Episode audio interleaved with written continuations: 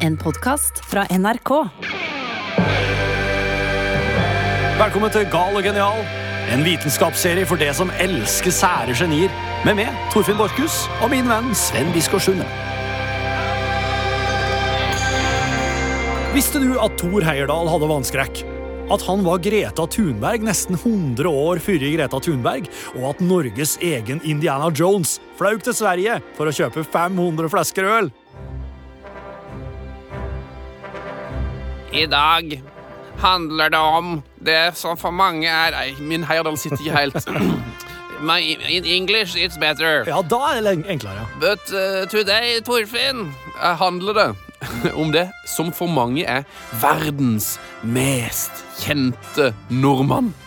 Mannen som brant opp Tigris. Mannen som kryssa Atlanterhavet, Stillehavet. Mannen som gjenoppdaga Påskeøya, drev enorme prosjekter i Peru, Tenerife Maldivene, i Azov i Russland, som jakta på Atlantis, som fant Bounty, og som lærte hele verden om båtbyggerkunst fra oldtida.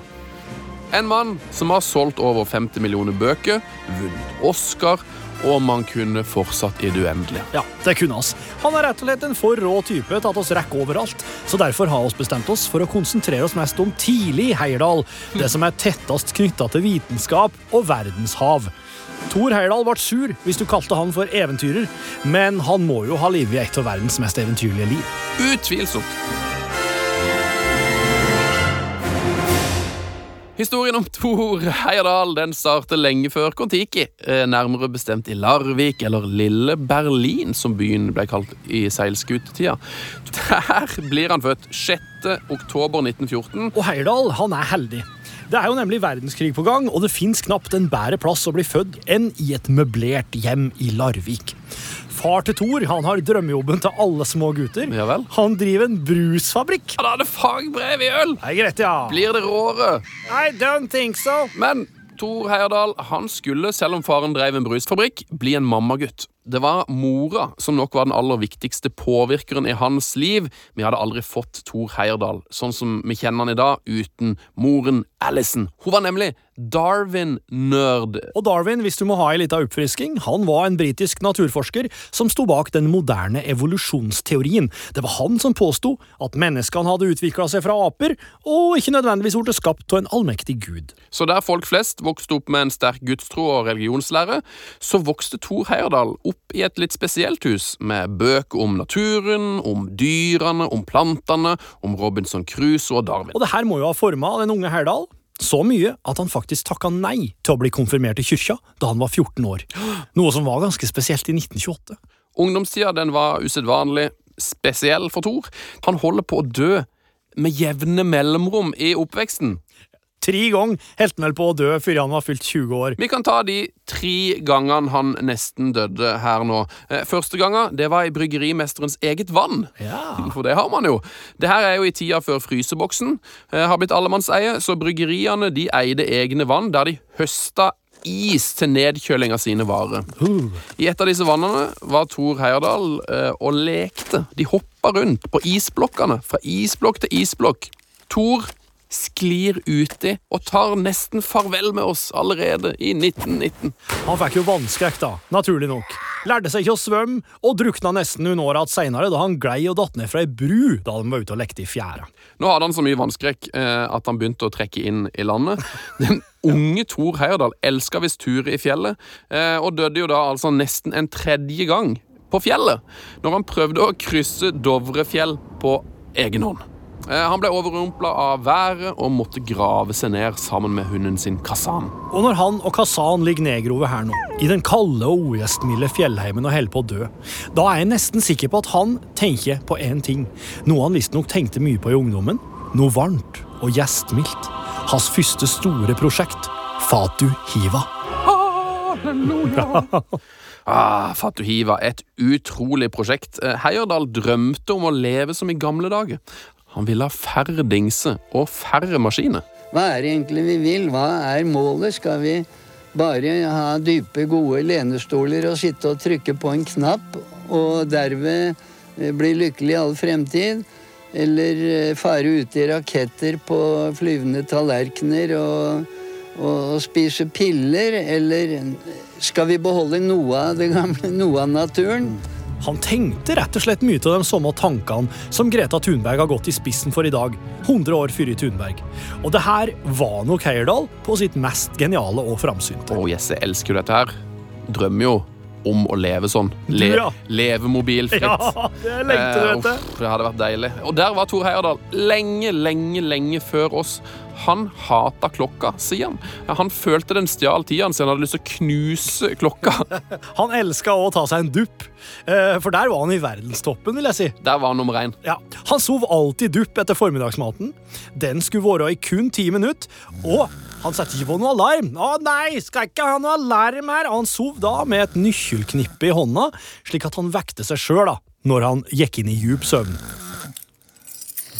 Den uh, unge Heyerdahl han drømte om et rolig liv. Um, og disse tankene de førte til Fatuhiva, eller Stillehavsprosjektet til Tor Heyerdahl.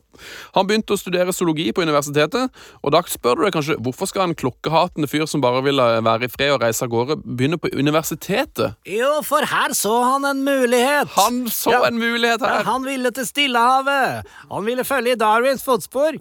Og leve som Robinson Crusoe, som han hadde lest om som barn. Det, du, er kjempegod Takk. Eh, Og veilederen hans på universitetet hun sier at han kan studere artene sin opprinnelse på ei stillehavsøy som en del av zoologiutdanninga. Og da sa Thor at 'jeg vil bo der i ett år', men han hadde jo i hemmelighet helt andre planer. Og her må vi si at Thor Heyerdahl er utrolig heldig med sine foreldre. Ja. Fordi mora til Thor elsker jo Darwin. Hun elsker jo denne ideen. Faren litt mer skeptisk, men det som er bra med faren, det er at han har penger. Ja, for bare det å komme seg til andre sida av jorda på denne tida her, det er komplisert og veldig dyrt.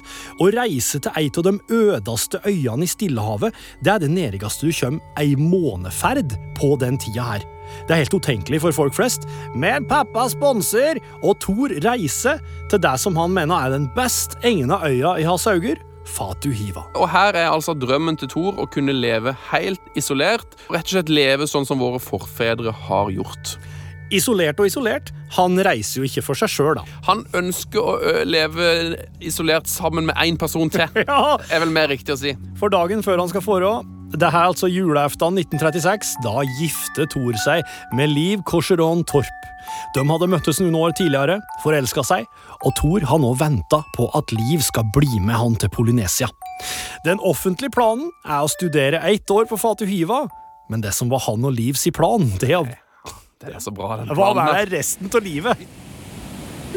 Det er en uhyre vakker eh, plan, og en uhyre naiv plan. Eh, Tor og Liv de ville leve her for alltid, og de dro av gårde. Uten sikkerhetsnett må vi vel kunne si altså I ettertid så tenker jeg at det her er jo den farligste ekspedisjonen Tor Heyerdahl noensinne satte ut på. Det var jo nærmest galskap å bosette seg på Fatuhiva. På denne paradisøya som den kalles, så var det ca. 100 innbyggere, men det var òg tuberkulose, spedalskheit og elefantsjuke. Livsfarlige sykdommer. Spesielt med tanke på at øya verken hadde post, telegraf eller lege. Og båten som var innom der iblant, den kom tilbake om to til tolv måneders tid. Og det kunne være kannibaler der. På Fatuhiva blir de mottatt med latter. Vi kjører en latterquiz. Hvorfor ler de innfødte av Liv og Tor? Fordi de fortalte vitsen om kannibalen som fikk en kald skulder? Nei. Eh, fordi de rester dit uten medisiner ei tru på at de ville tåle alle sykdommer? Ja, det burde det vært. Men de innfødte de lo av huden deres. Ja, ja, ja. ja. En kvinne gikk bort og så på Liv. Hun hadde aldri sett en hvit kvinne før, så da slikket hun seg på fingeren og prøvde å gni bort fargen i kinnene hennes. Det hvite farget ikke av, så hun måtte være ekte. Da klarte folkene på Fatuhiva nesten ikke å slutte å le. De holdt på å le seg i hjel. Eh, Men, men hvor var vi? Og så er jeg nå på ei øy med kannibaler og elefantsjuke og tuberkulose. En farlig plass, vil jeg si. Ja, der er oss. Der er vi. Eh, og ikke bare var det farlig. Det her var jo òg eh, hva skal man si, kanskje det viktigste prosjektet for Thor sin videre karriere som vitenskapsmann. For fram til nå så ville han jo egentlig bare ta kontakt med naturen. Han ville jo bare flykte vekk. Men på Fatuhiva så begynner han å tenke, og det er lurt.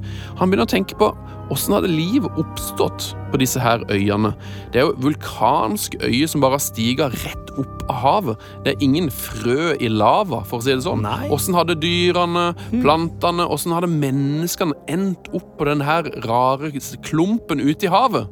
Det spørsmålet her er jo helt sentralt i Thor Heyerdahls vitenskapelige karriere. Så kanskje vi kan stoppe opp da og forklare Heyerdahls teori her nå? Ok? Hvor kommer oss ifra? Altså, Heyerdahl han trodde at Polynesia kanskje kunne være befolka ifra øst og ikke ifra vest. Altså ifra Amerika, ikke Asia. Kanskje hadde urfolk fra det amerikanske kontinentet kommet til Polynesia først med båter. Kanskje havet ikke er en hindring, men at den er fortidas motorvei. Dette er kort oppsummert Heyerdahls hovedteori. Og på denne her øya så får han jo òg tak i unik kunnskap som bygger opp rundt denne teorien hans. sin. For her finner han eh, noen hodeskall som han stjeler. Oh. Det gjør han, eh, og det, vil, det, det fikk han jo kritikk for eh, Det får han kritikk for den dag i dag. Men det som er veldig bra som han finner han finner ei helleristning som kan tyde på at det har vært folk her for lenge siden på Fatuhiva. Og det er òg tegn som tyder på at disse folkene kan ha kommet fra øst. Hmm. På ei annen øy så møter Thor Heyerdahl en hobbyarkeolog ved navn Henry Lee.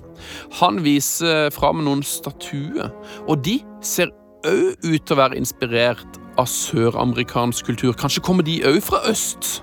Nå i ettertid så ser oss jo at det her er starten på Kon-Tiki.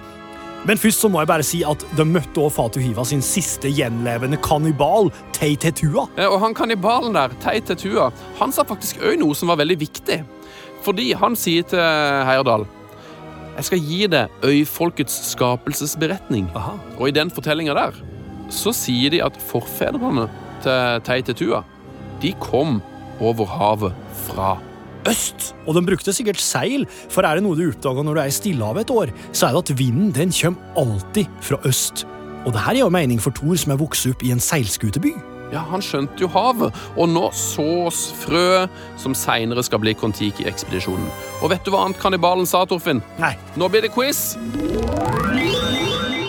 Velkommen til quiz med 18 års aldersgrense. Dette er ikke for sarte sjeler.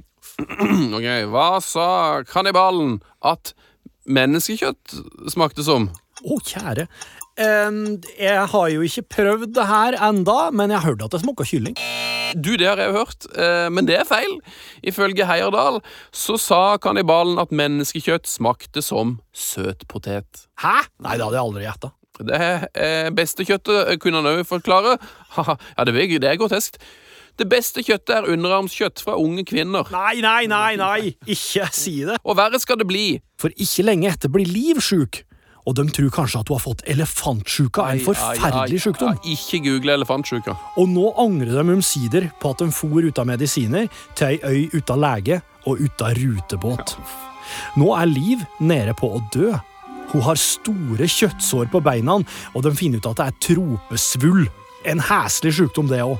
Og den store båten som er innom øya, med veldig ujevne mellomrom, den slutter helt å komme når det går rykter om pest. Så Thor og Liv må flykte i en liten og veldig skrøpelig båt. Ja, og den båten her, den har òg skrog. Og denne båtturen brenner seg fast i minnene til Thor Heyerdahl. For er virkelig båt med skrog bedre enn en flåte? Han hadde nemlig lest i noen bøker at eh, i gamle dager så brukte man flåte i Polynesia. Hmm, flåte. For en merkelig tanke. Ja, ja, ja, ja. Dette her er begynnelsen på slutten for Liv og Thor sin drøm om et liv i pakt med naturen. Det blir umulig å overleve. Dessuten så er ikke lokalbefolkninga spesielt fornøyd med at de har store huggeskaller heller. Nei, det, det skjærer seg. Gjør det. Og etter ett år reiser de hjem. Nå skriver Thor si første bok. I 1938 kommer den ut. På jakt efter paradiset, et år på en sydhavsø, kalte forlaget den for. Det er ingen hyllevelter, men Thor blir rikskjendis, og en nordmann som bodde i Canada, Lasen, og kontakta Thor. Han hadde sett helleristninger av urfolk i Canada som han ville vise til Heyerdahl, for de var nemlig helt lik dem Heyerdahl hadde funnet i Polynesia. For et sammentreff. Ja! Quiz! Wow! Vi kjører en 1940-quiz. Krig! Det blir krig. Det er svaret mitt. Krigen bryter ut, det er helt riktig. Yes. Men hvor tror du Heyerdahl er? når Hitler invaderer Norge? I Larvik. Nei, heldigvis. Han er nok på Lillehammer. På. Nei, nei, nei, nei. Ja, men han, Hvor du sa det? jo nett... Han er i Canada. Han er i Canada! På bjørnejakt! I Bellacoola i Canada. Der er Thor Heyerdahl um, for å forske på helleristninger og for å jobbe videre med sin store teori om hvordan man befolker Polynesia fra øst. Så når det er krig, så er Thor ute og jakter bjørn, og får det ikke med seg før lenge etterpå. Og krigen kommer jo som vanlig ubeleilig. Det er vanskelig å få penger til å drive med forskning når hele verden står i flammer. Han får seg da jobb på en fabrikk, og denne fabrikken den produserer annet arsenikk. Ah, Hva, hva har du hørt om arsenikk, Torfinn? det er jo gift. Det her, du kan drepe folk med det. Ja, og her kunne han jo fort dødd igjen. Han får nemlig den aller hardeste jobben i sitt liv, har han sagt sjøl. Han jobber med å vaske industriovnene som lager arsenikk innvendig. Det her er ikke noe plass for rikskjendisen Thor Heyerdahl. Men han får noen penger til far sin, krysser USA på egen hånd og bli medlem i The Explorers Club i New York. Ja, dette er veldig viktig. Det er en hemmelig klubb hvor eventyrere sitter og drikker whisky rundt peisen og skrøner. Men det er òg en viktig arena for nettverksbygging og promotering. Nå nevnes han i samme åndedrag som Amundsen og Nansen, som òg er medlemmer. Yes, Dette er første skritt mot å bli et PR-geni, og nå verver han seg òg til tjeneste for uh, Norge i andre verdenskrig. Og det her er jo det kuleste som har skjedd i hele Heierdals liv, det som skjer nå. Iallfall ifølge meg. For i Hæren så får Heierdal den feteste jobben du kan få av alle jobber. Ok, Han blir Ma marinejeger. Han jobber med radio. Og radio! Oho, det blir ikke verre enn Tor Heyerdahl jobber med radio. Ok. Krigen er ikke noe eh, så veldig givende kapittel i livet. Han blir utstasjonert i Skottland, der han mistrivdes. Han kjeda seg, rett og slett. Eh, Det var lange perioder med trening og ganske sånn monoton hverdag. Så hva gjør Heyerdahl, tror du? Nei Han bestiger Ben Nevis på en fridag. det må han jo gjøre. Og man kan jo tenke seg for eh, historiens skyld at nå står Thor Heyerdahl på toppen av de britiske øyers høyeste fjell og bestemmer seg for noe han hadde tenkt på lenge. Kon-Tiki. Han sa det faktisk til en offiser, og jeg siterer Får jeg ikke de gamle skjeggbussene til å høre på meg, så skal jeg bygge en flåte og seile over Stillehavet. Men først så må han jo overleve av krigen, da. Ja, og det klarer han jo selvsagt, ehm, men det var han nære på. Han overlevde en eh, sånn eh, skipskonvoi som kjørte på flytende mine eh, på sin vei fra Skottland til Finnmark. Ehm, og når Thor òg ble tilbakekalt fra et oppdrag der tre av seks drukna og døde, så begynte han jo nesten å tro på sjøl at han hadde ni liv. For nå er, nå er vi vel oppe på sju eller åtte. Ja, det vil jeg tro. Og heldigvis overlever Heyerdahl, for nå er han jo med å befri Finnmark fra tyskerne. Tenk på det! Heyerdahl sitt kompani er der når tyskerne gir opp. Og Heyerdahl veit å feire. Han er god på fest. Japp. Nå flyr han altså til Sverige i ens ærend for å lage fest. Og han kjøper da 500 flasker øl på statens regning, som han tar med til Finnmark. 500 bottles of beers. Når krigen er over, så stikker han til New York City og setter i gang med Kon-Tiki-prosjektet sitt. Et eh, prosjekt som få andre enn Thor Heyerdahl hadde troa på i 1946. Teorien om ei flåteferd til Polynesia hadde jo blitt forkasta fordi ekspertene mente at balsatreet, som ligner veldig på korktreet, trekte til seg for mye vann og ville synke på ei så lang reise.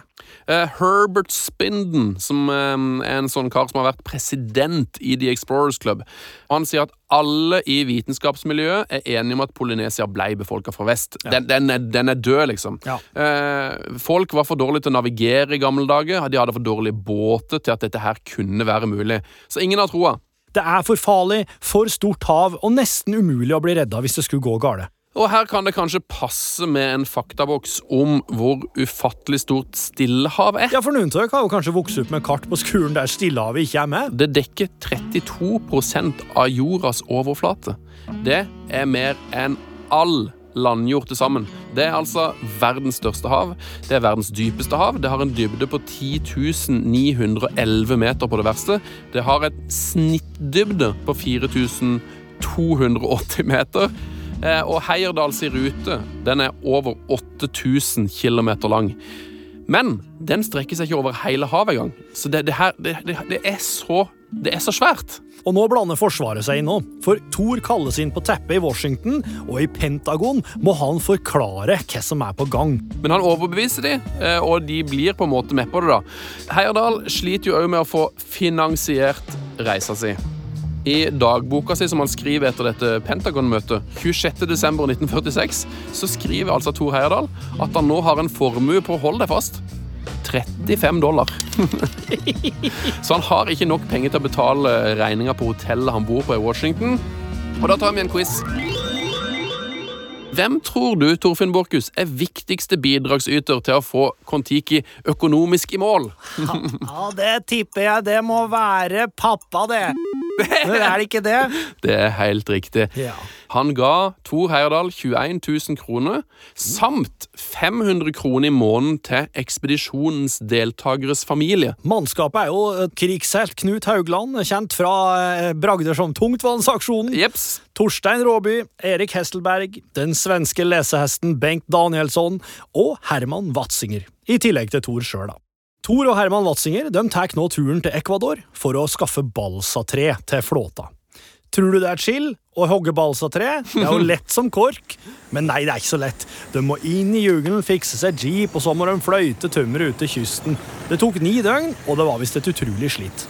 Men det blir altså tur til slutt. Fra Peru skal Kon-Tiki legge ut. Og når Kon-Tiki endelig kan legge fra kai, er det et nesten ufattelig oppmøte av presse og ambassadører. USA, Storbritannia, Frankrike, Kina, Peru, Belgia, Sverige og Norge er alle representert. Til stede var også ekspedisjonens siste medlem. Vi glemte jo ene statorfinn. Ja. Papegøyen Lolita, som de fikk i gave i havna der. Lolita, ja. Hun er med, vet du. Hun er med. De hadde òg med seg mye mat de skulle teste for den amerikanske marinen, samt noe haipulver som marinen håpte skulle skremme bort hai hvis du var så uheldig å dette over bord. Og nå, nå skjer det noe viktig. Heyerdahl han hadde nemlig beregna at hvis man skulle klare dette, her, så måtte man begynne ekspedisjonen med å padle hardt i et par uker for å komme fri av landet i Peru, for å komme seg ut av liksom motstrømmen. Ja. Komme seg ut i strømmen, så måtte de, måtte de ro veldig lenge. Så det de gjør nå, da De slipper unna denne roinga med at de blir taua ut til havs. Det er mye trafikk, eh, og det her er jo da stikk i strid med all vitenskapelig metode. Og det her skal jo da koste vitenskapsmannen Thor Heyerdahl dyrt i framtida. Men nå er de i gang. Målet er å bli frakta over havet ved hjelp av Humboldt-strømmen, eller Peru-strømmen. Og nå går det overraskende bra. Første ti dagene tilbakelegger Kon-Tiki 500 nautiske mil. Fortere enn de hadde håpa på. Hurra! Men balsatreet trekte til seg en god del vann, ja. ai, ai. Så mye at Thor kunne rive av en del av stokken. Og så følte han med at ingen så på han, og så kasta han den delen av stokken på vann, og den sank. Flåten råtner. Skulle kritikerne få rett? Skulle balsatreet rett og slett ta inn vann og dra de med seg ned? I dypet?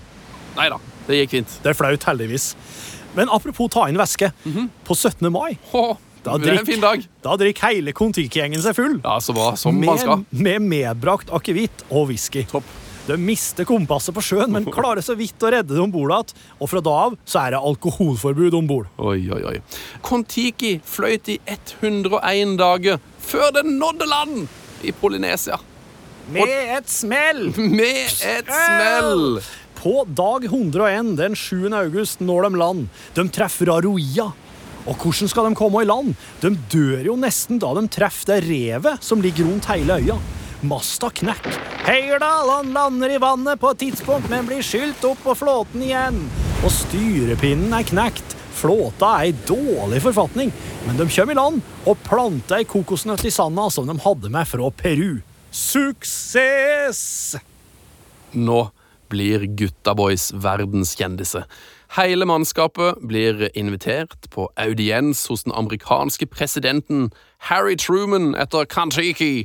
Eh, De blir invitert på audiens hos kong Haakon. Kronprins Olav kommer bort, han vil snakke mer med dem. Det blir holdt mottakelse på ambassaden. Der var Kjakan Sønsteby. Ja. Eh, Det var representanter fra alle verdens største aviser. Det var høye herrer fra de største selskapene i Hollywood. Men turen kosta. Ja, En finsk forsker kalte Kon-Tiki for humbug. humbug! At de hadde brukt kompass, at de hadde med seg mat og primus, gjorde at det vitenskapelige eksperimentet var verdiløst, mente finnen. Han sa òg at det ikke stemte at Kon-Tiki var ei tru kopi av oldtidas byggemetoder. Og den generelle kritikken eh, gikk jo på at dette her bar mer preg av et stunt enn av et forsøk med vitenskapelig verdi, Torfinn. Mm.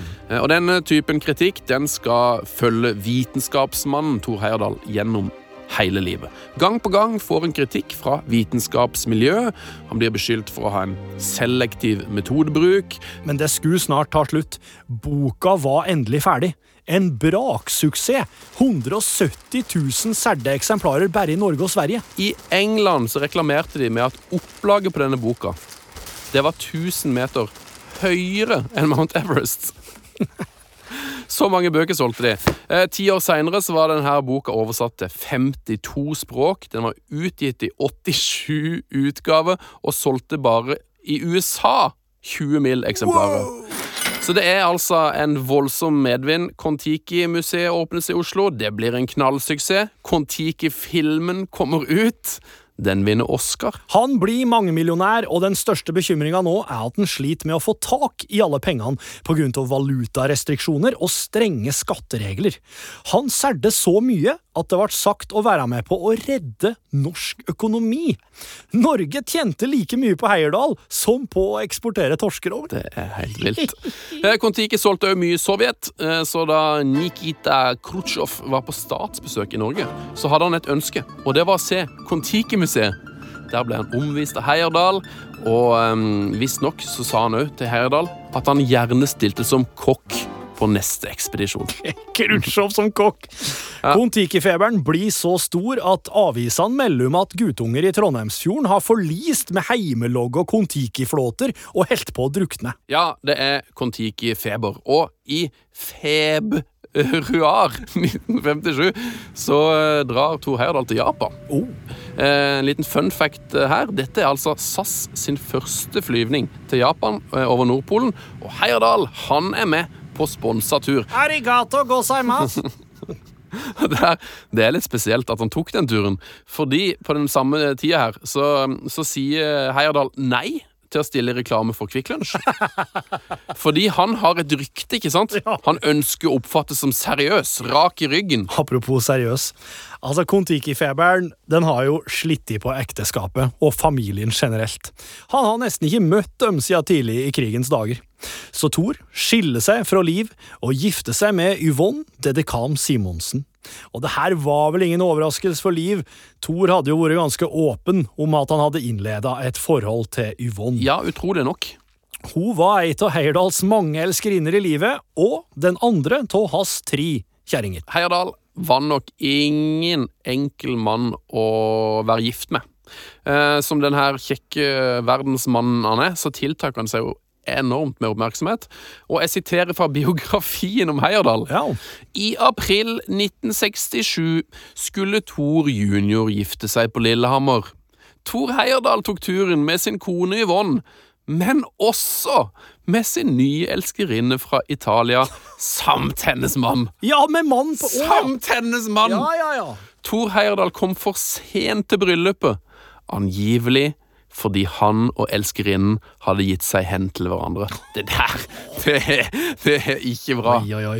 Ei anna historie går jo på at det var et cruise i Middelhavet med familien der han visstnok hadde med seg ei elskerinne på en annen lugar.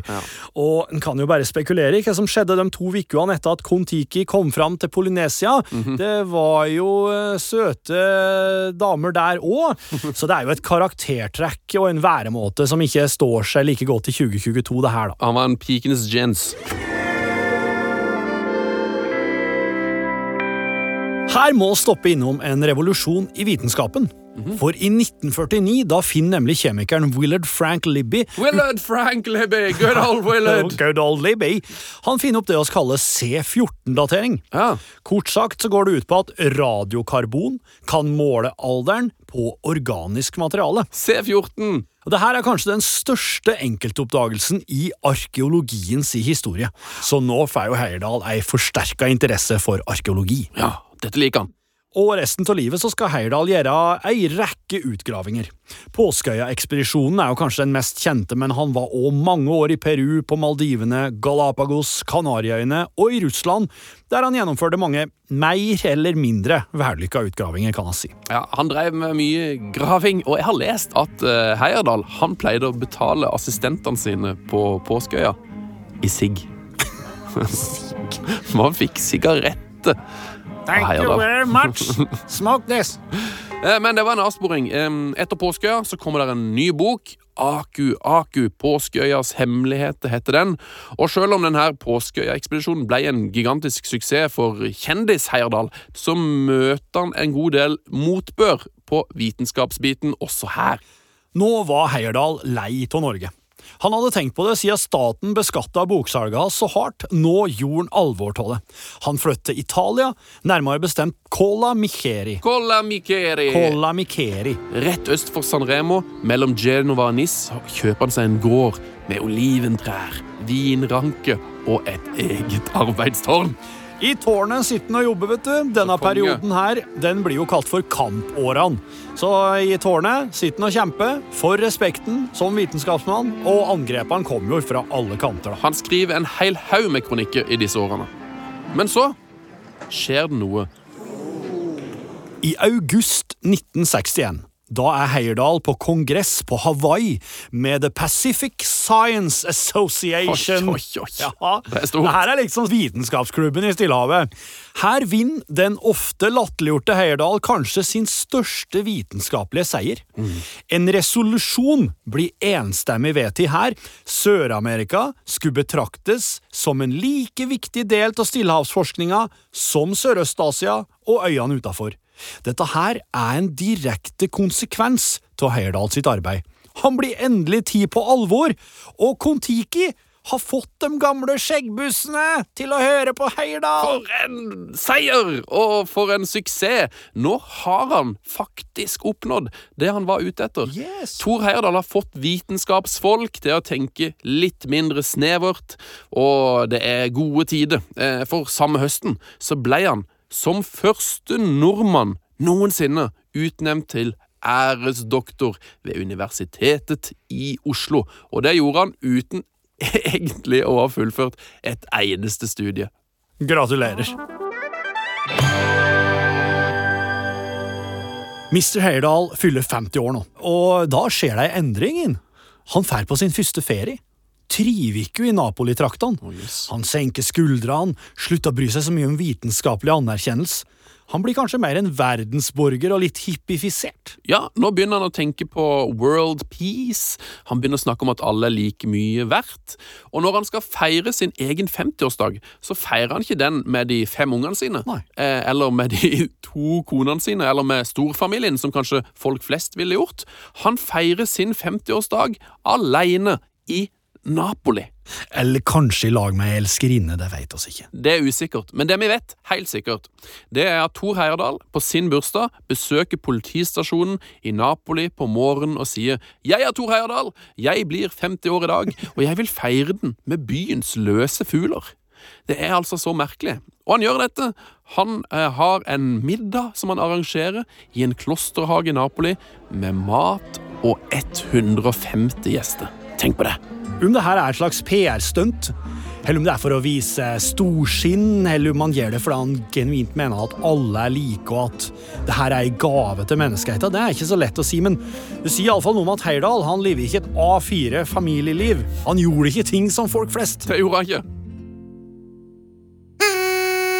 På slutten av 60-tallet så begynner Thor Heyerdahl å jobbe med prosjektet igjen, og nå skulle han bygge sivbåter. Nå planla han en ny ekspedisjon.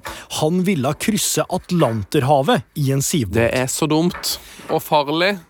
Ikke for å bevise noe vitenskapelig teori den gangen her, men mer for å bevise at det var mulig, som for å si ikke vær så skråsikre på at det er umulig, for det kan ha skjedd. Egypts fremste eksperter på sivbåter mente jo at det her, det her er galskap. Du kan ikke krysse Atlanterhavet i en sånn båt. De her båtene har pleid å gå på Nilen. De vil neppe tåle verken sjø eller saltvann. Men Egypts uh, viseturistminister han var veldig positiv, sa dette støtter vi, tommel opp, kjør på!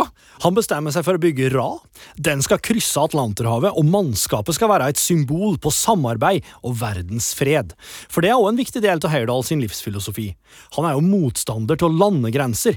Han mente at oss er ett folk her på jorda, for å leve av den. Eh, og på rad så ville han at alle hudfarger, språk og verdensdeler skulle være representert. Det er et storslått eh, prosjekt. Um, og Thor Heyerdahl anser seg jo sjøl som en verdensborger og engasjerer seg veldig sterkt i den perioden her i en organisasjon som heter Én verden. Og på den tida her så var det jeg vet ikke, nesten like kjent som FN. Båten ble den første til å seile under FN-flagg. Og Man kan jo lett argumentere for at dette her er det råeste eventet noen nordmann noensinne har iscenesatt. Der må bare se bilde av det.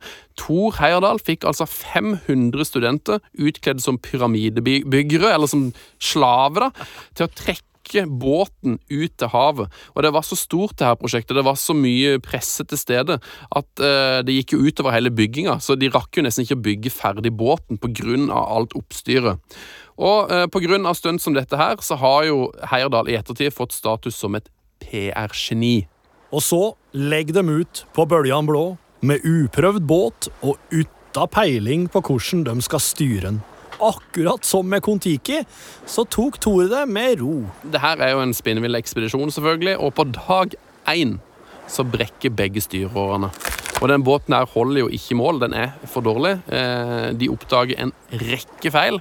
Men de oppdager noe annet òg ute på havet. De oppdager store, mystiske oljeklump i havet. Hmm. Og det her er jo egentlig mest flaks, men nå oppdager Thor Heyerdahl en miljøkatastrofe. Samme dag som månelandingsferden tar av fra USA, gir Heierdal opp ferden med Ra. De blir redda av Yvonne, altså kjerringa, sekretæren og ekspedisjonslederen på land, som har fiksa en båt som redningsaksjon. Og nå setter Thor i gang med et nytt prosjekt. Det heter Ra2. Så den han han bygger straks en ny båt, og ti måneder seinere fullfører han Ra-prosjektet han krysser Atlanterhavet med Ra2. Og denne gangen så reiser de i miljøets navn. Og på den turen her så gjør de noe helt fantastisk. De sank søppel og oljeklumper som de finner store mengder i havet. Så Ra2 det er jo da en gigantisk suksess i et sånt eh, miljøperspektiv. Den der lille sivbåten den beviser et gigaproblem, nemlig at oljetankere fra hele verden de har drevet på å vaske tankene sine og dumpa dritten rett i Atlanterhavet. Atlanterhavet er en søppelkurv!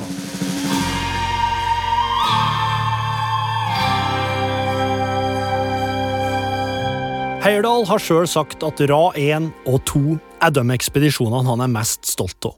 Og det var nok kanskje hans mest vellykka òg. For det er ikke i vitenskapen Thor Heyerdahl har sett de djupeste sporene, heller ikke i arkeologihistoria.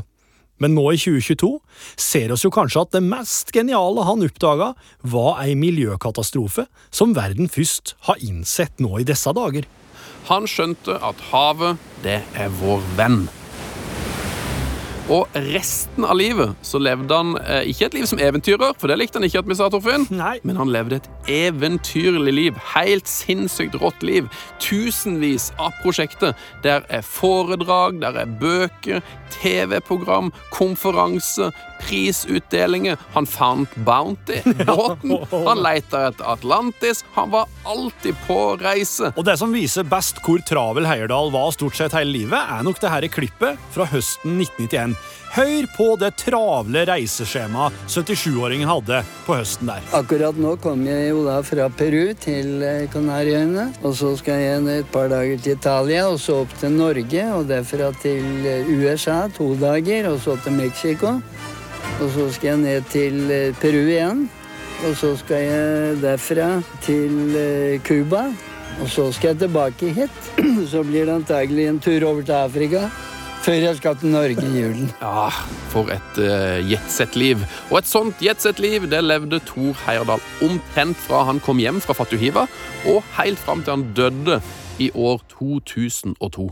Og når han døde, så hadde han fortsatt denne lille avtaleboka si helt proppfull i over ett år fram i tid. Sånn skal det leves. Denne episoden kunne nok vart i 101 dager, Last Kon-Tiki Expedition. men oss går i land her på Stian Karstensens geniale vignett. Takk for oss.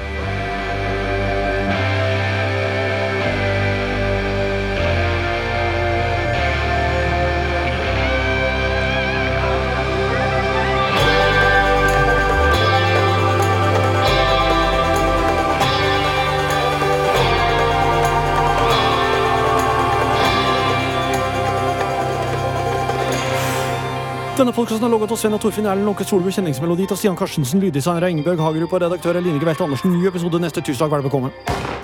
Du har hørt en podkast fra NRK. De nyeste episodene hører du først i appen NRK Radio.